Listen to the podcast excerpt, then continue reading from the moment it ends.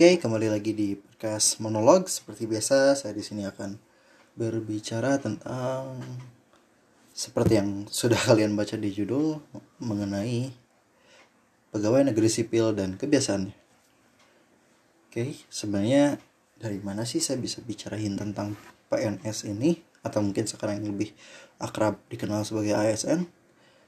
E, sebenarnya kedua orang tua saya merupakan pegawai negeri sipil dan beberapa anggota keluarga saya pun seperti om dan tante saya beberapa merupakan pegawai negeri sipil dan meskipun mereka semua tidak sama ada perbedaan di antara mereka. Namun saya bisa menangkap gambaran besarnya lah mengenai dunia kerja di PNS dan kenapa sih saya juga mulai concern mengenai PNS ini? Karena salah satunya uh, saya sudah mau masuk ke dunia kerja dan orang tua saya ingin saya menjadi seorang PNS tidak mau saya bekerja di swasta begitu.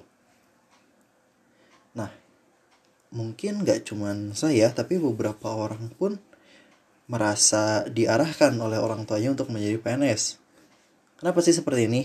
Nah sebenarnya memang PNS ini merupakan salah satu pekerjaan yang paling laku mungkin di Indonesia karena istilahnya PNS ini hidupnya udah tenang lah banyak tenangnya. Gajian lancar terus ya istilahnya nggak akan bangkrut gitu kan kantor pemerintahan.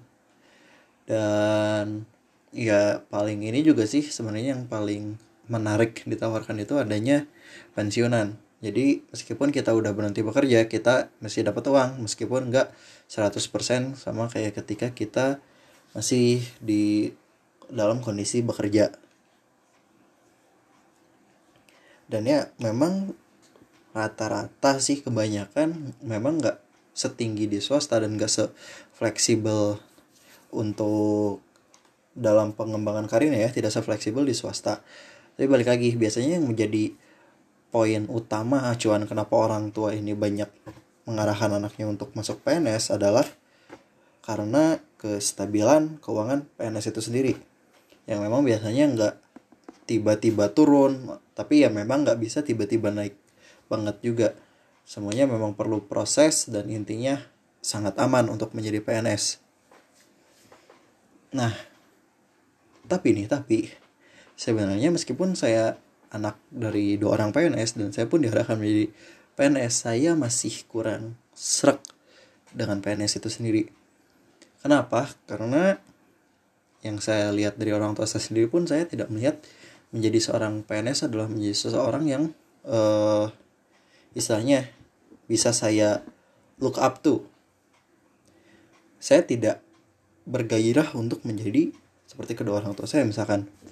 Karena mungkin baik lagi di kondisi yang serba aman, serba nyaman, orang tua saya ada di zona yang sangat aman. Keuangan uh, stabil, bahkan ketika corona gitu, banyak yang istilahnya ya takut ataupun bahkan mengalami yang namanya PHK atau pemotongan gaji dan sebagainya. Orang tua saya tidak di PHK. Orang tua saya tetap bekerja meskipun kondisinya work from home dan biasanya work from home itu gak kerjain apa-apa. Tapi gaji masih dapat meskipun memang gak 100% ada pemotongan untuk bantuan dana sosial kalau gak salah. Cuma ya balik lagi, tetap mendapatkan gaji dan kerjanya pun gak begitu berat istilahnya begitu. Tapi yang saya lihat dari kenyamanan itu ada efek negatifnya tersendiri yaitu biasanya PNS cenderung stuck dengan siapa mereka sekarang. Istilahnya dikit banget perkembangan yang bisa kelihatan gitu dari PNS ini di setiap uh, bulan atau bahkan setiap tahun tuh gak terlalu terlihat perkembangan.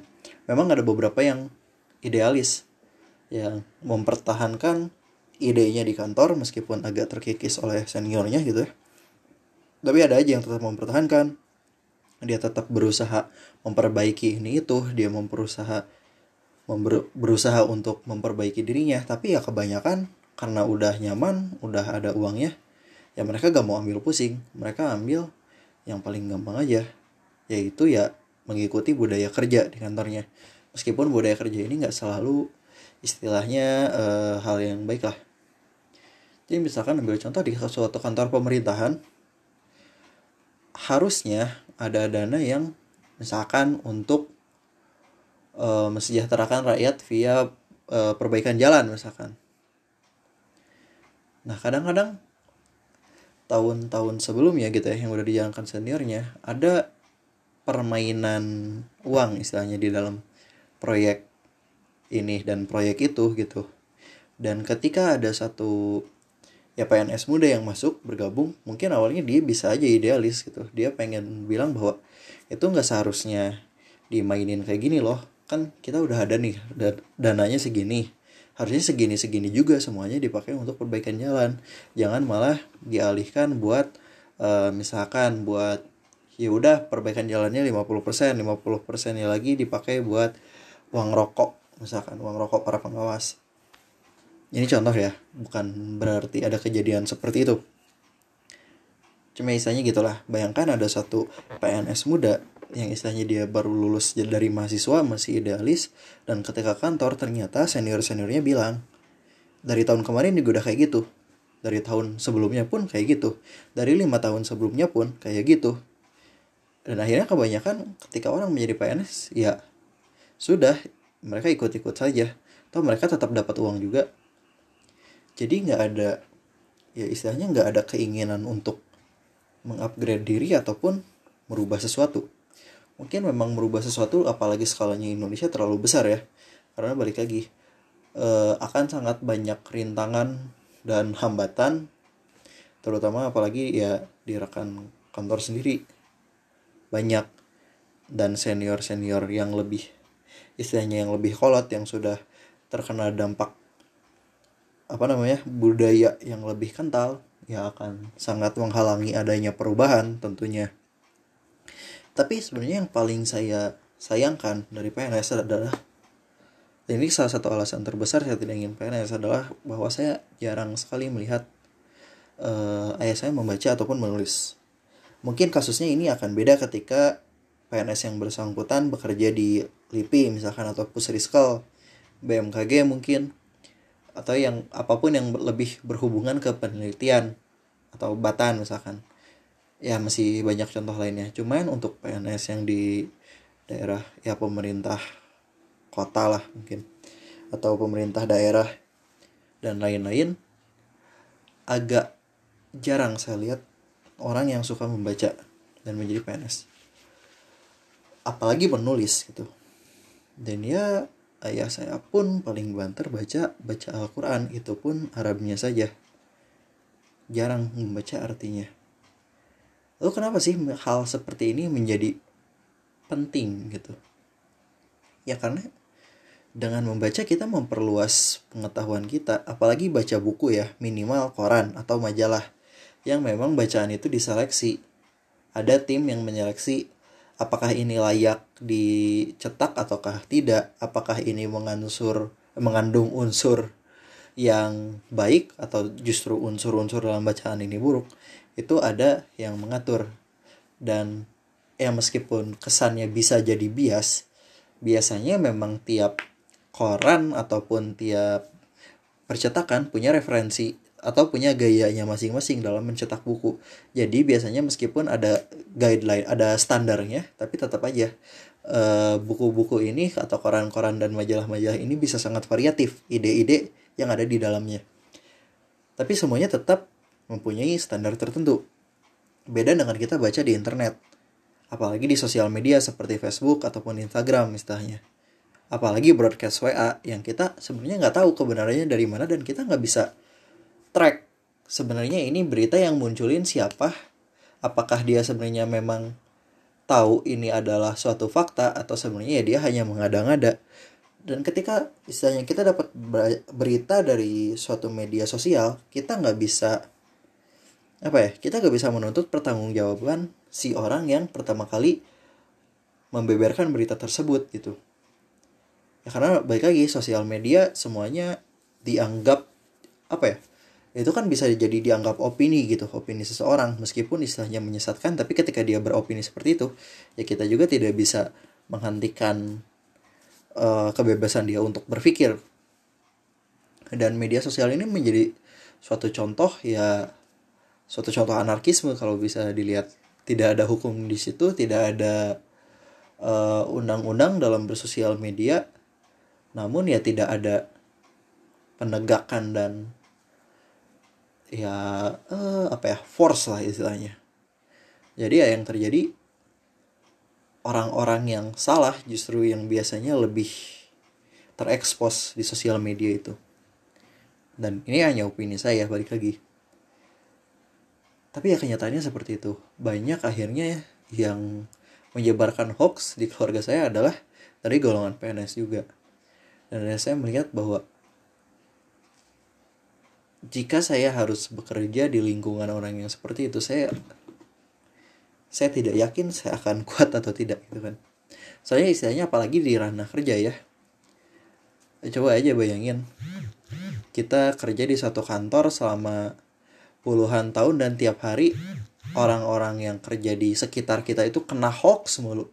Dan kita sampai capek sampai bosan sampai pusing dengarnya dan kita ngebenerinnya pun tetap gak bisa meskipun kita usaha terus-terusan. Kita capek kan? Meskipun kita bisa memilih untuk tidak mendengarkan itu misalnya kita tidak ikut terkena hoax tapi tetap aja secara sadar nggak sadar secara langsung ataupun tidak langsung ketika kita mendengar itu ya kita ketika badan kita menolak ya kita ketika kita tahu itu hoax dan kita menolak ya kita pasti capek lama-lama. Dan memang bukan tidak mungkin. Memang ada PNS yang jatuhnya lebih idealis. Cuma memang biasanya ya secara populasi kalah lah sama yang mementingkan diri sendiri. Dan menurut saya hal ini bukan hal yang bisa dirubah oleh saya seorang gitu. Jadi ya saya lebih memilih akhirnya untuk berkarir di bidang yang tidak perlu saya khawatirkan gitu apakah saya nyaman atau tidak. Karena kalau di swasta juga kan lebih gampang lah untuk resign dibandingkan dengan PNS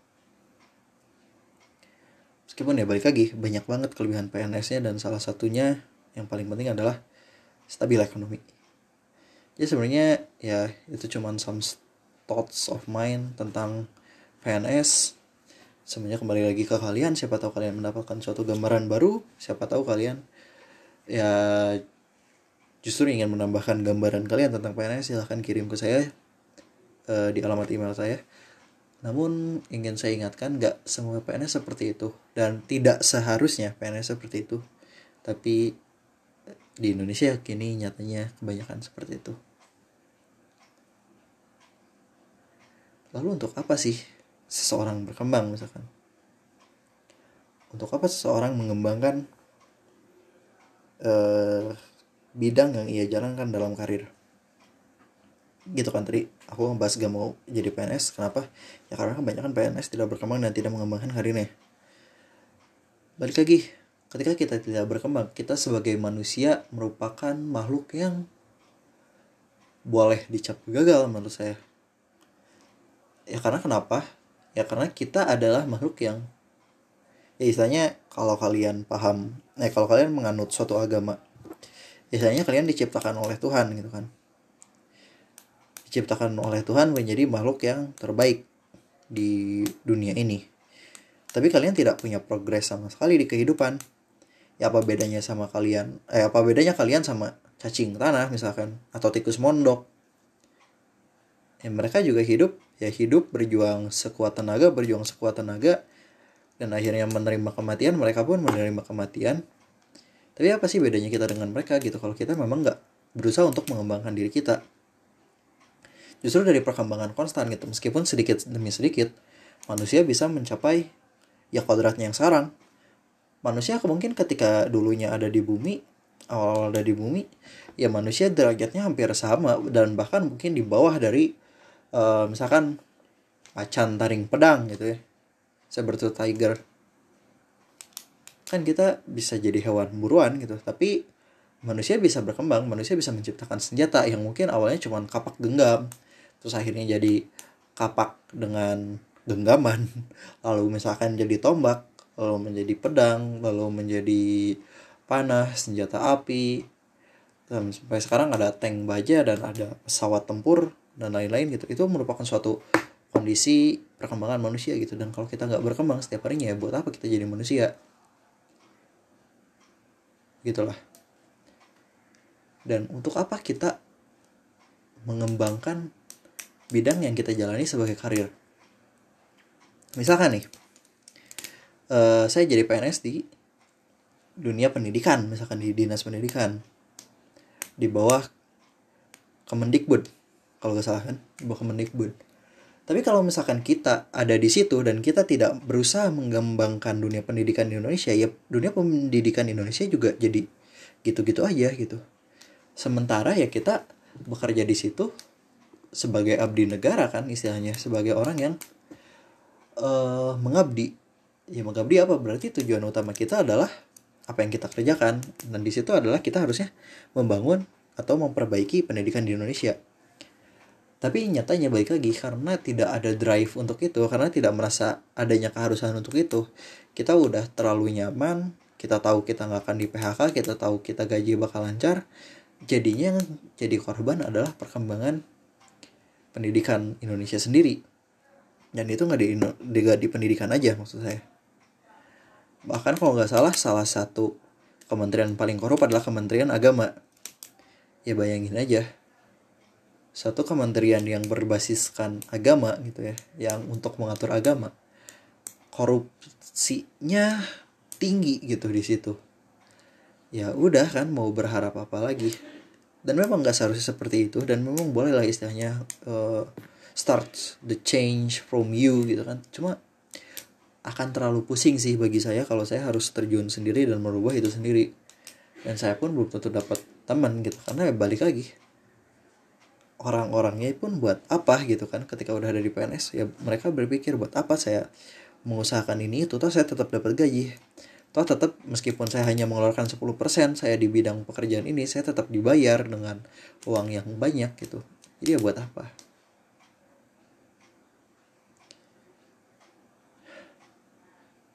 Memang kalau ya dilihat secara umum kondisi negara kita memang kacau sih apalagi di bidang ya pegawai negerinya lah. Ya cuma balik lagi tadi semua hanya mindset saya, opini saya. Saya harap pun meskipun memang kondisinya seperti ini sekarang, teman saya tetap berharap ke depannya akan ada perubahan yang lebih ya menuju ke arah yang lebih baik lah. Karena ya kalau gini terus juga Indonesia sampai kapan pun gak akan ke mana-mana sih. Sekian dari saya, terima kasih sudah mendengarkan.